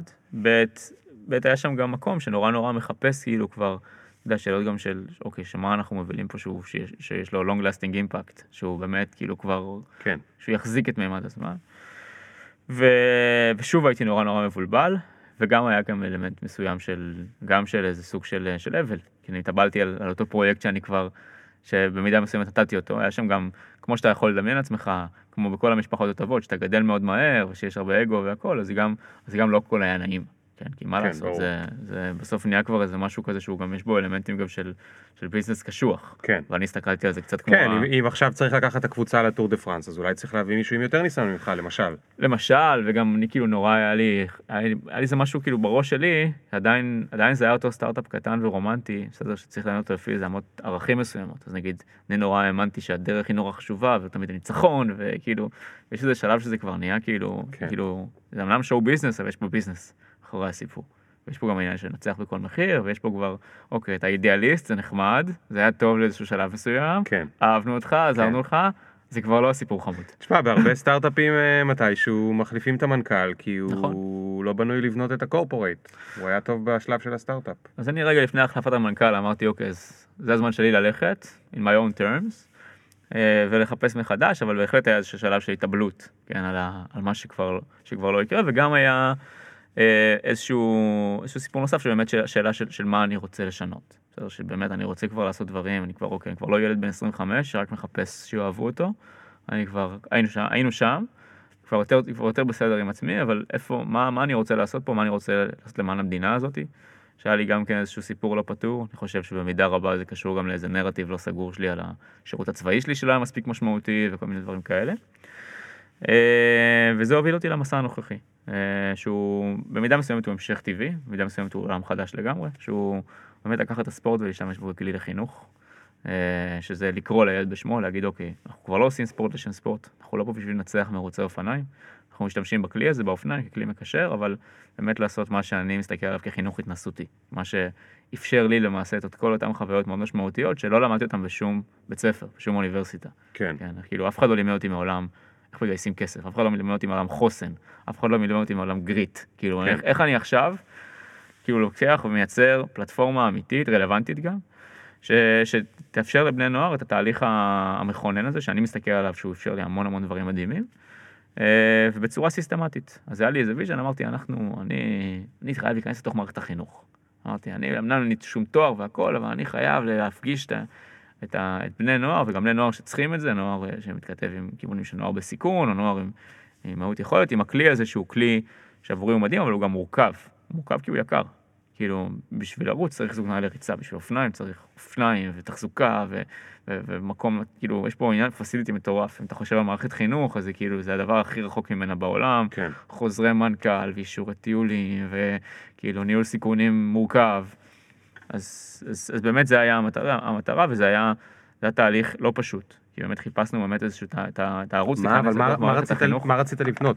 בית ספר, אני- חוג, כאילו, אז, אז הפורמט של איך. עושים את זה, בסדר? הוא היה, הוא, הוא בהתגלגלות והוא עדיין, אני חייב לציין. אפילו שיש לנו היום איזושהי באמת מתודה מאוד ברורה איך אנחנו עושים את זה, תכף אני אספר. אז, אז כאילו זה היה, האיך לא כל כך עניין אותי, המה, או הלמה, הרבה יותר עניין אותי. והלמה מבחינתי היה, אמרתי, אני מאמין שיש בכלי הזה פוטנציאל לעשות תיקון לחברה הישראלית. אמנם נשמע, נשמע מאוד ככה אמביציוזי, שלא לא לומר, אה, אתה יודע, באמת מטרה, מטרה גדולה, עוד אחד שחושב שהוא ישנה את העולם, אבל אני באמת הסתכלתי על זה ככה. אמרתי, תראה כאילו מה זה עשה עבורי וגם לחבר'ה שסביבי. בסדר, באמת, יש, יש פה איזה משהו ב, בזה שאנשים מתאספים סביב הפשן. אתה לא, אתה עובד באמת עם, עם תשוקות של אנשים, כן. כן. כן, לכלי הזה, לרכיבה ומה שהיא מאפשרת עבורם, כדי, כדי לייצר פה שינוי יותר רחב. אז, אז באמת אמ- האמנתי נורא שזה הדרך שלנו לעשות, ו, ורציתי להגיע לבני נוער בשלב הקריטי של ההתבגרות שלהם, השלב הזה שבו הם הולכים לאיבוד, שהם מחפשים את אותה דמות של מבוגר, מבוגר אחראי ש, שיבוא ויעטוף אותם וידריך אותם בדרך. אמרתי, אני אגיע אליהם באמצעות האופניים, ואני רוצה להגיע אליהם דרך מערכת החינוך הקונבנציונלית. לא שיגיעו אליי ספורדית אחרי צהריים, כי במקרה יש איזה חוג ליד הבית ולאבא ואמא יש כסף לשלם כן. על אופניים, אבל אני רוצה להגיע אליהם בצורה סיסטמטית. ו- ודי בפוקס הגענו למוסד חינוכי. רגע, מי זה הגענו כבר? איך פתאום נהיינו הגענו? הגענו לזה כי, כי תמיד בחיים אחד הדברים שלמדתי זה ללכת לבד לא עוזר. צריך, אמנם יש לך איזה חזון כזה, אבל אה, גם הייתי נורא נורא בתול, אבל אה, שני חברים יקרים, אחד מהם שהכרתי דרך האופניים, אחד מהם קוראים לו איתן מזרחי, הוא היה מנכ"ל חברת המתנסים הרבה שנים, אה, איש מבוגר שבאמת ככה האופניים חיברו בינינו, והאיש השני קוראים לו עדי דויטש, שהוא הוא גם חבר יקר, הוא נכה צה"ל, קטוע רגל, שהוא גם רוכב אופניים ואיירון מניסט ועושה מלא דברים אדירים. ו... וביחד הסתובבנו בארץ, אה, ו... ואיתן ועדי אה, הביאו את הרעיון, בואו, מערכת החינוך הפורמלית היא בעייתית, בואו ננסה לפתוח אה, קבוצות אופניים בכפר נוער. כפר נוער, לא יודע כמה אנשים במדינת ישראל מכירים את הפורמט הזה, זה סוג של פנימייה, שהיא כוללת בתוכה גם את הפנימייה, גם את המקום הזה שהילדים ישנים בו ונמצאים בו אחרי בית ספר, אבל גם בית ספר, מוסד חינוכי שהוא עם סמל מוסד, אה, ויש כאלה הרבה בארץ, הם רובם מסויפים לחינוך ההתיישבותי, שזה איזשהו, איזשהו אגף במשרד החינוך. אה, היסטורית הם רובם היו כפרי נוער חקלאיים, שהילדים שם, בני הנוער שם אחרי בית ספר גם היו, גם היו לומדים לעבוד בחקלאות ולבנות את הארץ וככה. אה, והוא אמרו לי בוא נלך לכפר נוער, הילדים שם כבר נמצאים גם אחרי, יש עניין של גמישות, אפשר, אפשר לבנות איתם משהו. בסדר? וגם יש להם, יחסית הם מתוקצבים יותר גבוה. והכלי הזה שלנו שהוא נורא יקר, אז בואי ננסה לבנות משהו, לי היה נורא חשוב שאיפה שאנחנו לא משקיעים, והיה לי ברור שאני צריך להשקיע ולגייס כספים והכל, זה יהיה לנו matching funds. כאילו שאני אצליח להביא, אה, להביא כספים ש, ש, ש, שתומכים, שתומכים בזה, כדי שאני לא, שאני אצליח להראות איזשהו, איזושהי קיימות, איזושהי תגיד, בין-. ב- בינתיים עד שבונים את זה, ממה התפרנסת? אז כאילו- עדיין ניהלתי את הקבוצה, אה, ואתה יודע, בעולם הזה של ה- של האופניים, כאילו יש לי איזה סוג של שם, אז יעצתי לכל מיני חברות וככה. אבל, אה, אבל בסוף, בסוף היה פה עניין של, של צורך די מהיר ל, ל, לגייס כספים, אז באמת ב, למעשה מהג'ירו שהסתיים ועד היום, אז באמת הקמנו עמותה שמרכזת את כל הפעילות, ורוב העיסוק שלי באמת בלנהל אותה ולגייס כספים עבורה. יש לי חלק מהאנשים שהכרתי בעבר, ו... איך קוראים לעמותה? העמותה יש לה שם לא מי יודע מה, אנחנו בדיוק בתהליכי rebranding כאלה, אבל קוראים לה Grit, אה, שזה אה. המרכז לרכיבת אופניים, אבל אנחנו בדיוק בתהליכים של אה, למצוא לזה שם אמיתי. ישראלים לא יודעים מה זה grit. לא יודעים מה זה grit, וזה לא... אז תסביר רגע מה זה grit למי שלא יודע. grit זה מושג בפסיכולוגיה החיובית, של, אה, ש- שהגיע אליו אה, פרופסור בשם אה, אנג'לה דקוורס, שהיא כתבה על זה גם ספר מאוד מפורסם, ויש לה הרצאת TED שאתם חייבים לראות, שהוא מרכז תחתיו שלושה מושגים בעברית, ש... שנקראים תשוקה או להט, התמדה ונחישות. והוא למעשה בא למדוד באמת את הפוטנציאל של אנשים להצליח, שהוא לא תלוי מה שאנחנו קוראים לו כישרון. האם מישהו שהוא אין לו כישרון טבעי למתמטיקה, יכול להיות כן. מתמטיקאי. כן. האם מישהו שהוא לא אמור להיות ספורטאי, שאין לו כישרון טבעי לספורט, שהוא לא נראה שהוא ספורט, יכול, יכול להצליח מאוד. איך זה יכול להיות שדברים כאלה כן. קורים? הסיפור שלי הוא דוגמה לזה. כן, איך בן אדם שלא היה אמור להיות ספורטאי, בשום כן. צורה שהיא, כן. הצליח בצורה יחסית בספורט. כן? מה שהיא מראה שם בספר, וזה אחד הדברים הכי מעניינים, זה שאנשים שיש להם גריט, בדרך כלל עוקפים את אלה עם הכישרון, תוך אה, לא הרבה שנים, וגם יותר מזה, הם נגיד יכולים לעקוף אנשים שהם מחוננים, כי המחוננים, מרוב שקל להם, בשנים היותר צעירות של החיים, הם לא, הם לא לומדים מה זה תחת, והם לא לומדים מה זה התמדה, ו- ואז, שוב, בגרף הם עוקפים אותם כולם ונהיים יותר נכון. מצליחים. אני, אני בכוונה לא רוצה לעשות השוואה בין grit לכישרון, כי אני חושב שגם grit, גם אנשים כישרוניים יכולים לפתח grit. בדברים בוודאי. בוודאי. אבל, אני אבל מניח שהכישרונים עם ה grit זה המייקל ג'ורדנים של, של נכון. העולם. מישהו זה- זה גם- באמת ה unicorn, גם זה עם הגנטיקה המושלמת, גם עם הכישרון המושלם וגם עם ה grit המושלם, זה, זה נכון. הקובי בריינט. אבל, אבל אני באמת, בחרנו לקרוא לזה ככה בגלל שבאמת בעיניי אם הייתי צריך לזקק תכונה אחת שאני מאוד חושב ש, שיש לנו יכולת לפתח באמצעות האופניים ושהיא, ושהיא משנת חיים, ושיש לה פוטנציאל לשנות את החברה הישראלית, היא זאתי. בסדר, Mm. לעבוד, לעבוד עם התשוקות. הרבה, כן. בחינוך הרבה אומרים לעבוד עם החוזקות, אני אומר באמת הסיפור הזה של למצוא למה לילד יש פשן, ו- ואיך אבל אנחנו... תגיד, גריט זה משהו שאפשר לפתח אצל ילד? כי הרי, אתה יודע, זה כמו שאומרים תחת. יש אה, מי שיש לו תחת והוא חרשנית, ומי שאין לה והיא... אה, אין לה סבלנות. זה, זה דיון פילוסופי ארוך, אני אספר לך רגע מה אנחנו עושים ובואו ניקח כן. את זה כהש- אוקיי. כ- כבסיס.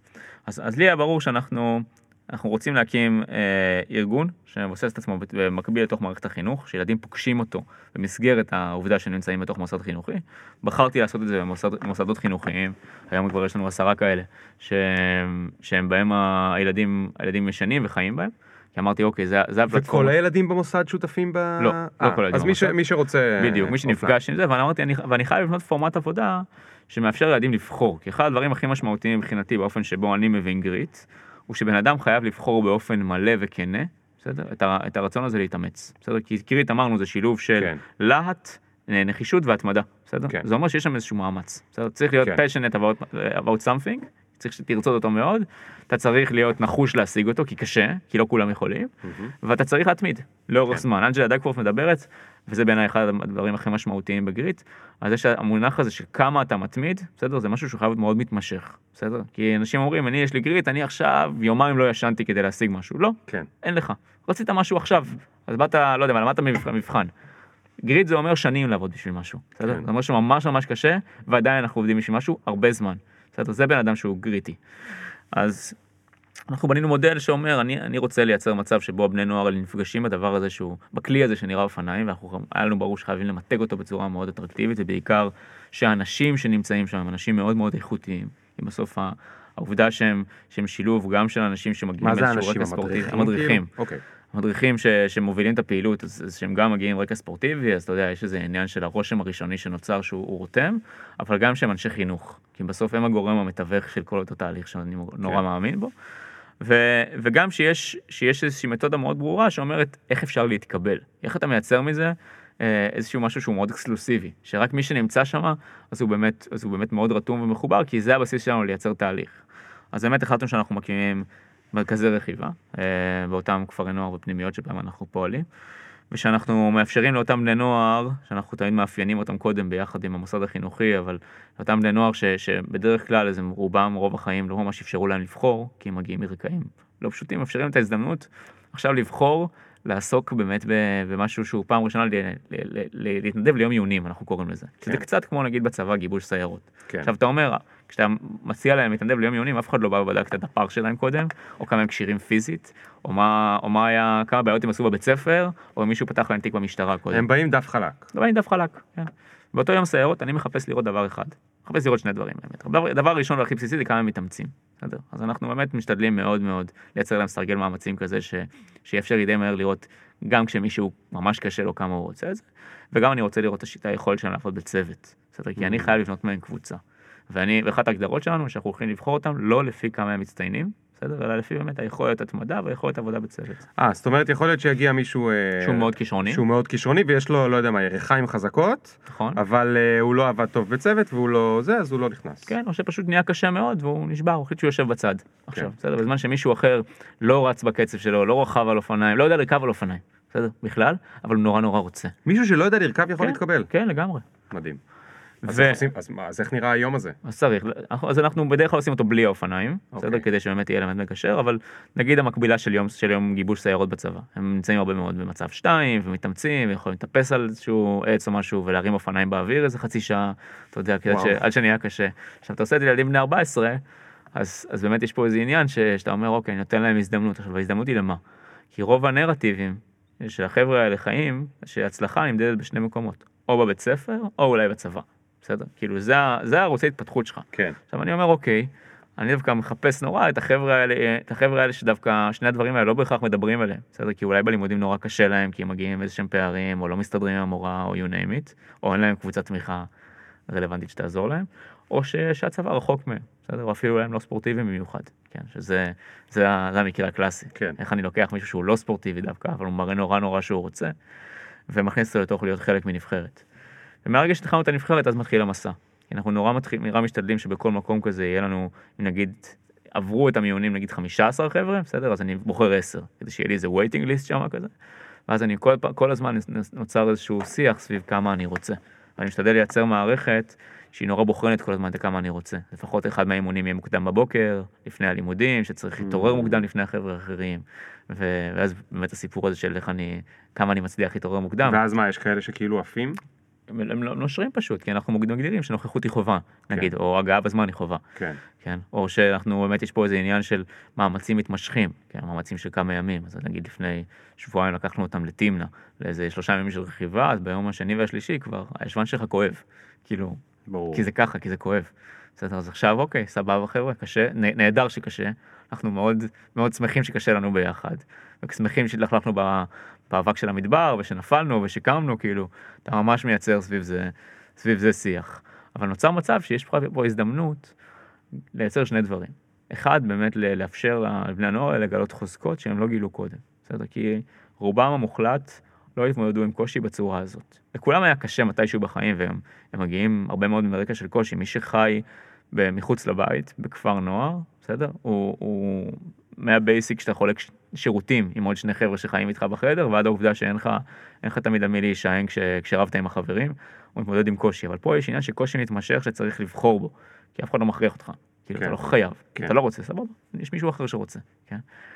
זה, צו- זה, זה דבר אחד שהוא מאוד משמעותי, ההתמודדות עם הקושי והלגלות חוזקות באמצעותו. והסיפור השני זה לייצר קבוצת שווים. באמת הסיפור הזה שבאמת יש לך פה איזה מסטינג משותף כזה, איזושהי חוויה של אחים לנשק, אנשים שביחד איתי עוברים מסע. אי אפשר לדבר מספיק על כמה זה, על כמה זה חזק. החברים הכי טובים שלי הם אותם חבר'ה שאני באותה, באותו גיל עברתי את זה איתם, כי, כי זה גיל כזה שבו אתה, זה, זה, לא, זה לא מה שרוב החבר'ה עושים, זה מאוד מיוחד. כאילו עכשיו לתקן פאנצ'ר באמצע היער עם מישהו אחר, כשכל כן. החבר'ה האחרים, אתה חוזר והם הם לא מבינים מה עברת, כאילו, זר לא יבין זאת. אז זה, אז זה ככה מסע מאוד משמעותי, ועכשיו אנחנו באמת מחפשים לקחת את זה לשלב הבא. להגיד, אוקיי, אנחנו כבר פיתחנו את האהבה לאופניים, אנחנו מתחילים לפתח באמת מה האופניים מאפשרים לי כבן אדם, עכשיו, מה האופניים, עכשיו, כמה אני, בזכות האופניים רוצה לתת חזרה. בסדר, מה באמת השליחות הזאת, למה אני מאמין שזה כלי לתיקון החברה הישראלית, כי מעבר להעצמה הזאת, עד כמה באמת בני הנוער האלה יהיו בני הנוער שמחוללים שינוי, שמבינים. תגיד, אתה אתה יודע למדוד איכשהו, איך, איך, או... אז אנחנו עסוקים בזה מלא, בגלל שאני גם מגיע מ, כאילו מה, מהקצה השני. אני מגיע מעולם סופר מדיד, מספורט מקצועני, שבו ההצלחה שלי הייתה ברורה מאוד, ב, כן. אתה יודע, באפס או מאה, בניצחון הפסד, במדדים של ואטים על האופניים, כן. בכסף, ופתאום הגעת לחינוך, שהוא כאילו הענף, המקום הכי לא מדיד שיש, אומרים לך תמדוד כן. ציונים. אז יש לנו כמה, כמה מדדים שהם משמעותיים. האחד הוא באמת הסיפור הזה של ההמשכיות, בסדר? והמשכיות אל מול, אה, אל מול מערכת שהיא מאוד demanding, בסדר? ואני אומר, אוקיי, אני, יש לי פה איזה סרגל מתגבר, הנער בשנה הראשונה מגיע, אז הוא יתאמן פעמיים בשבוע, ופעם אחת יתעורר בבוקר, ואולי לו איזה אירוע שיא. בשנה הרביעית הוא כבר צריך לצאת לקורס מדריכים, בסדר? Mm. זה אירוע שאם אין לו כבר מחויבות, והוא בקיץ יישאר, אז יש לנו פה מדד של, של משך, של זמן, וגם אל מול, אה, אל מול באמת ה volume הזה של מה אנחנו כן. עושים. ויש לנו גם מדדי איכות, בסדר? שאני מחפש להגיד, למדוד, אוקיי, להגיד, אוקיי, עד כמה באמת הסביבה שלו נותנת פידבק שזה, שזה משמעותי ושהוא עשה שינוי, Mm. בסדר? אתה יכול, אתה יכול להצליב את זה מול להגיד, נגיד, סיפור של התנהגותי. להגיד, האם, האם, האם הנער הזה, העובדה ש, שהאופניים היא כל- כל כך, כל כך משמעותי עבורו, שגם הוא הולך, בו, הוא, הוא עובר, הוא עובר איזשהם תהליכים פיזיולוגיים, בסדר? הדימוי העצמי שלו עולה, הוא, יש פה איזה עניין של הוצאת האנרגיה יש לאופניים. לך סיפור לדוגמה כן. שאתה יכול לחלוק? כמובן באנונימיות, לא צריך אה, שמות וזה.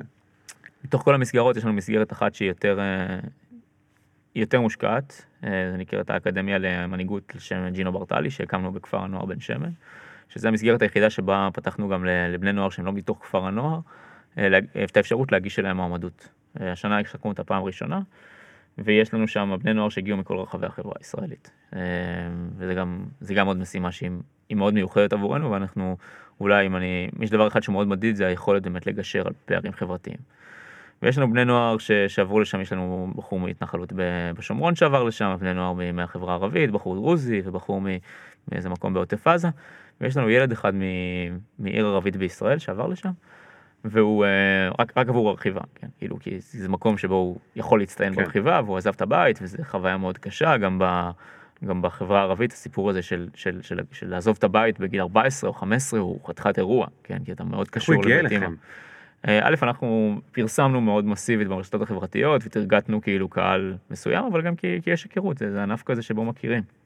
אה, והוא עבר לגור בכפר הנוער בן שמן, והוא, והוא, והמשמעות של זה היא שהוא הוא עושה בגרות בעברית, שזו בגרות שונה מהבגרות של הבגרות בערבית, והוא הולך ללמוד פתאום היסטוריה ותנ"ך, שאתה יודע, הוא, לא- הוא לא למד קודם, כאילו, כן. בטח לא באופן שאנחנו עושים, והוא לומד גם עברית. ו... ואותו נער שבאמת ביצע בחירה משמעותית, והוא גם עבור הרכיבה, שמבחינתו זה, ה... זה הסיבה למסיבה, הוא בא כי הוא רוצה להצטיין ברכיבה, כי הוא רוצה שיתאפשר לו להתרכב יותר, היום שהוא חי, שהוא חי בבית אז הוא לא יכול לרכב באותה אינטנסיביות, או אין לו את המערכת התומכת. שהייתה לו בבית, אז, אז, אז פתאום התאפשר לו עוד דברים, התאפשרו לו גם היכרויות עם, עם בני נוער אחרים, אבל גם פתאום אפשר, אפשר לו לייצר אופק שונה. וה, והנער הזה, אחד הדברים שהוא הבין, הוא, הוא הגיע אלינו בגלל שהוא רוצה לרכב על אופניים, פתאום הוא הבין שהוא רוצה להדריך. בסדר, הוא נורא נורא, אנחנו, זה גם נרטיב שאנחנו עובדים איתו, אבל הוא, הוא נורא נורא מבין שבסוף הכוח שלו בהשפעה לא יהיה רק על, על כמה הוא יהיה טוב. בסדר, על אם הוא ינצח מרוצי אופניים, יזכה לתהילה רגעית, יכתבו עליו, יקבל ריאקציות כן. חיוביות ב, כן. בפייסבוק, אלא פתאום האם הוא יכול להנהיג, הוא יכול להנהיג בני נוער אחרים, ואתה רואה אותו חוזר הביתה בסוף שבוע למקום שממנו הוא גר, והוא, והוא מדריך חבר'ה צעירים אחרים. עכשיו, הוא עוד לא עבר הכשרה פורמלית לזה, כן? אנחנו כן. עוד נעביר אותו, הוא כן. יקבל...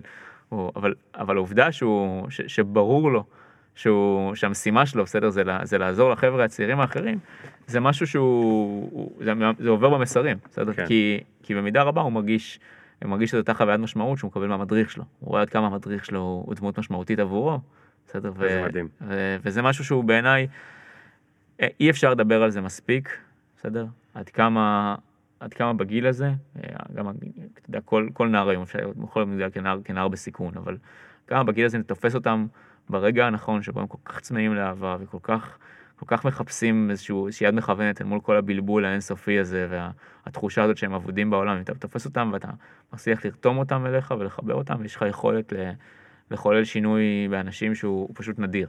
כן. ו, ועבורי שאלת על ניצחונות, בגלל זה אני רוצה לחבר את זה. על ניצחונות קטנים.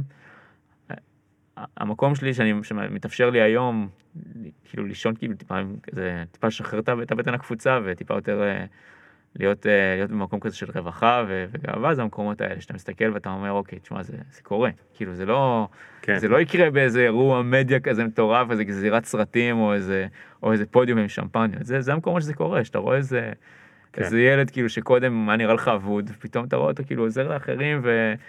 משמש כאיזה מנטור כזה, ואתה חושב עליו כבר כאילו בעוד איזה חמש שנים, איך הוא, איך הוא יהיה אולי במקום שבו אני יושב היום, ואתה יודע, ויהיה איזה מוביל דעה שהלוואי מאוד ילכו בעקבותיו. כן. כן. תגיד, אתה חושב לפעמים איך לעשות לזה scale? זה מציק לך? כן, כל הזמן. כן, הסיפור הבעייתי נורא נורא נורא בחינוך בלתי פורמלי במדינת ישראל, הוא שאתה צריך לבחור בכלל, בעולם, בעיקר במדינת ישראל, צריך לבחור בגדול בין שני, בין שני דברים, או באיכות או בכמות. בסדר? אז רוב, ה- רוב הארגונים החזקים שאתה שומע עליהם היום, הם הולכו, בחרו בכמות. תנועות הנוער, ארגוני הנוער, ארגונים מצליחים כמו נגיד השומר החדש שעושים, אתה יודע, בלי סוף וזה, הם ממש הלכו לכמות. והכמות אומרת שמצד אחד מה, שמאפ... מה שהופך אותם לסוסטיינביליים ו... וליכולת השפעה והכל וזה היא באמת שהם נמצאים all over אז יש להם ארגון נוער ומכינה וארגון בוגרים וארגון מתנדבים וכאלה. מצד שני הם לא יכולים לראות את הבן אדם. בסדר. ואני נורא כאילו מגיע מהמקום של הבוטיקי והאיכותי. כן עבדתי קודם מהעולם ש... שבו אני עובד עם איזה 30 ספורטאים ושם עליהם אין ספור, אין ספור השפעה, השקעה ומאמין שאני ככה אני אשנה סדרי עולם אבל. אני כאילו אומר, תשמע, אני, אני מבין שאני אני לא רוצה לעבוד עם איזה חמישה, שישה, אני רוצה, אני רוצה לגעת ב, באיזה כמה מאות, אבל אני רוצה איכות. כאילו, אני רוצה, זה גם, זה גם סוג הכלי שאני עובד איתו. אני כן. משקיע בנער ממוצע אצלנו, 15,000 שקל בשנה. זה בגדול זה, זה פי 10 ממה שרוב ארגוני הנוער עושים בישראל.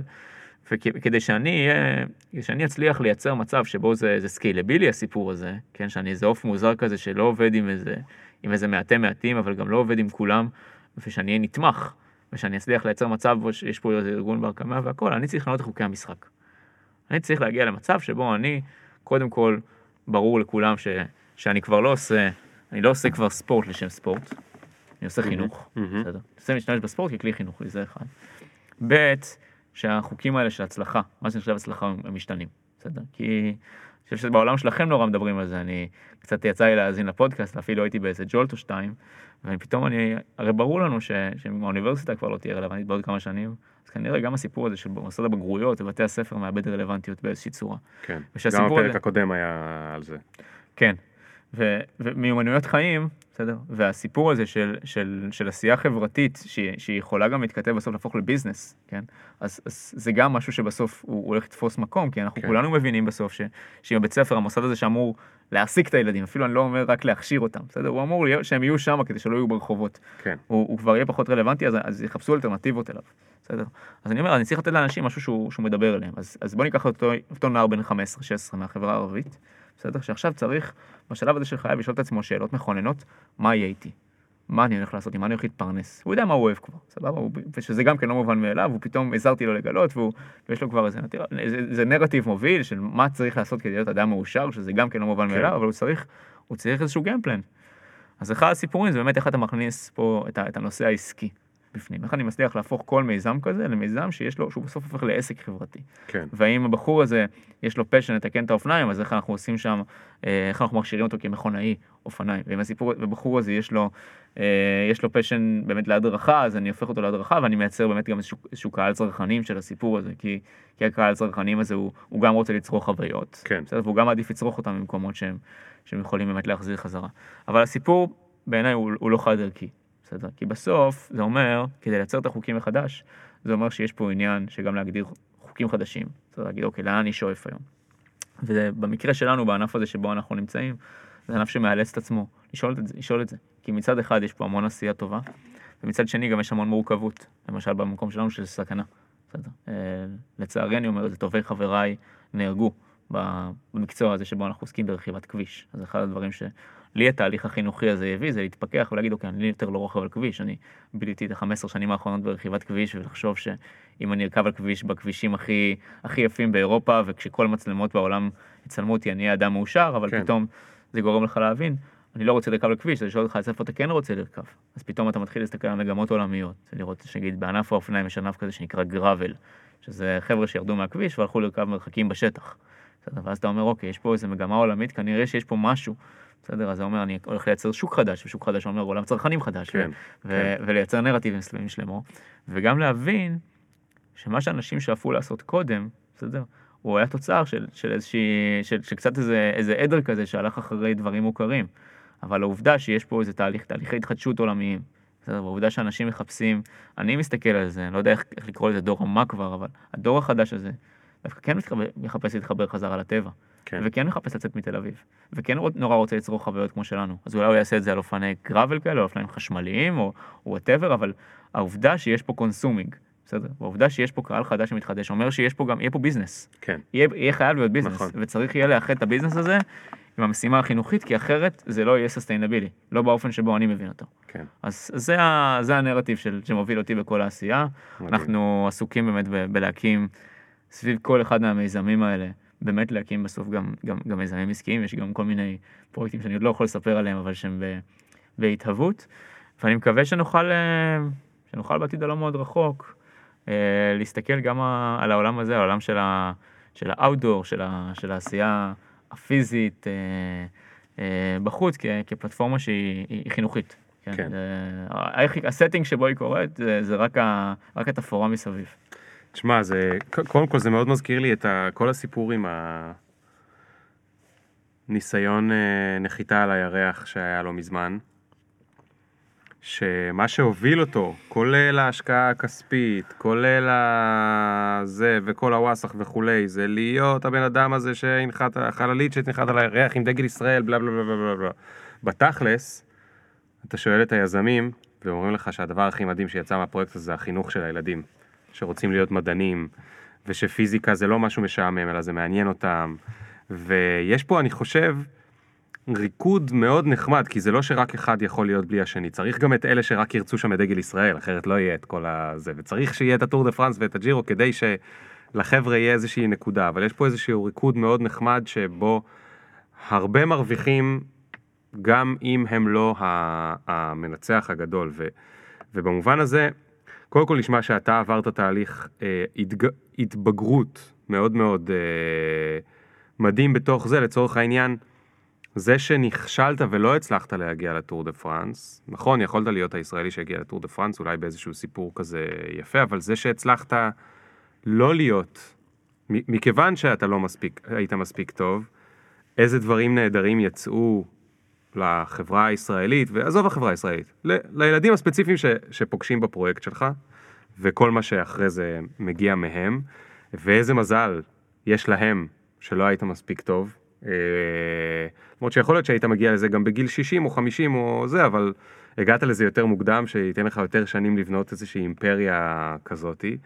אה, ואני חושב שזה, זה, נגעת בנושא המיומנויות והסקילס ש, שהם הם נוספים.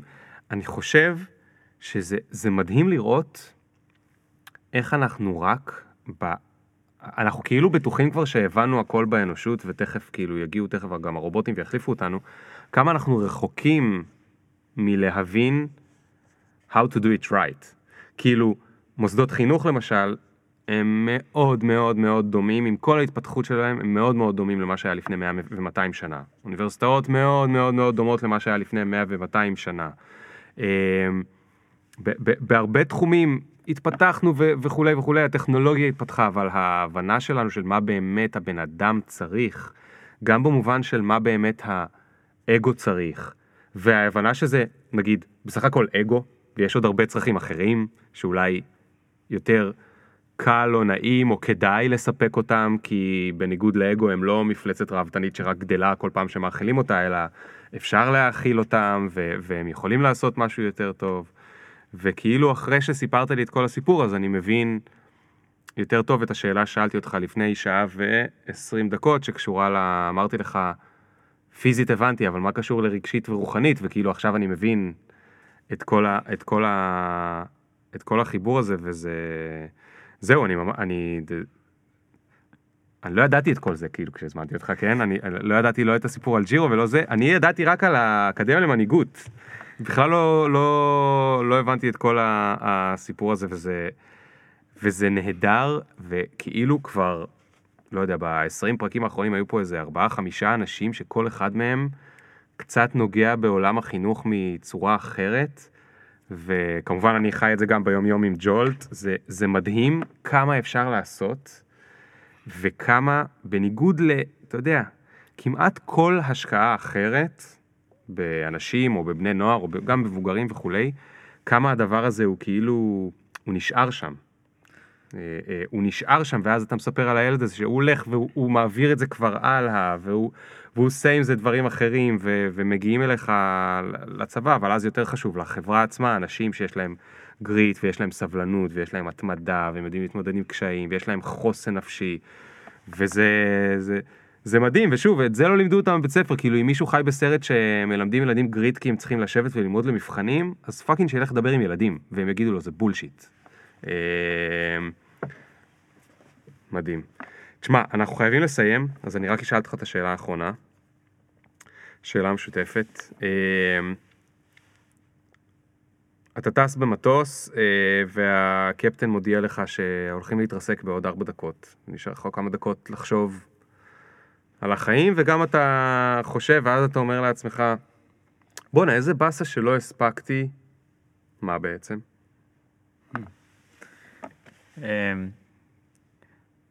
כאילו אני רוצה להגיד בטח על החיים האיש- האישיים, ונראה לי נורא בא להגיד שעוד לא, אשתי ואני עוד לא הבאנו ילדים וככה, אבל בהקשר דווקא של השיחה הקודמת, נורא בא לי לדעת כאילו איפה, איפה הצוות המדהים הזה ש- שאני זוכה לעבוד איתו היום, איפה הוא, איפה הוא ייקח את הארגון הזה בשנים הקרובות, וכמה...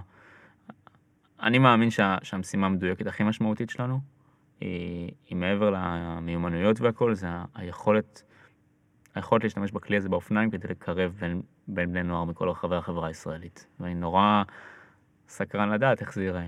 אם אנחנו באמת, זה רק יישאר ברמת התיאוריה ואיזו סיסמה שאני מוכר לעצמי, משכנע את כולם, ובאמת אנחנו נצליח לעשות פה איזשהו תיקון קטן באמצעות הספורט. ואיזשהו איזשהו חלום שלי שאנחנו ככה נצליח להראות, לא רוצה לקרוא לזה בסיסמאות של שלום ודו-קיום וזה, אבל שנצליח לייצר קרבה ו... וחיבורים אותנטיים. אז אני... הלוואי שאיתי, בלעדיי, ש... שזה יקרה.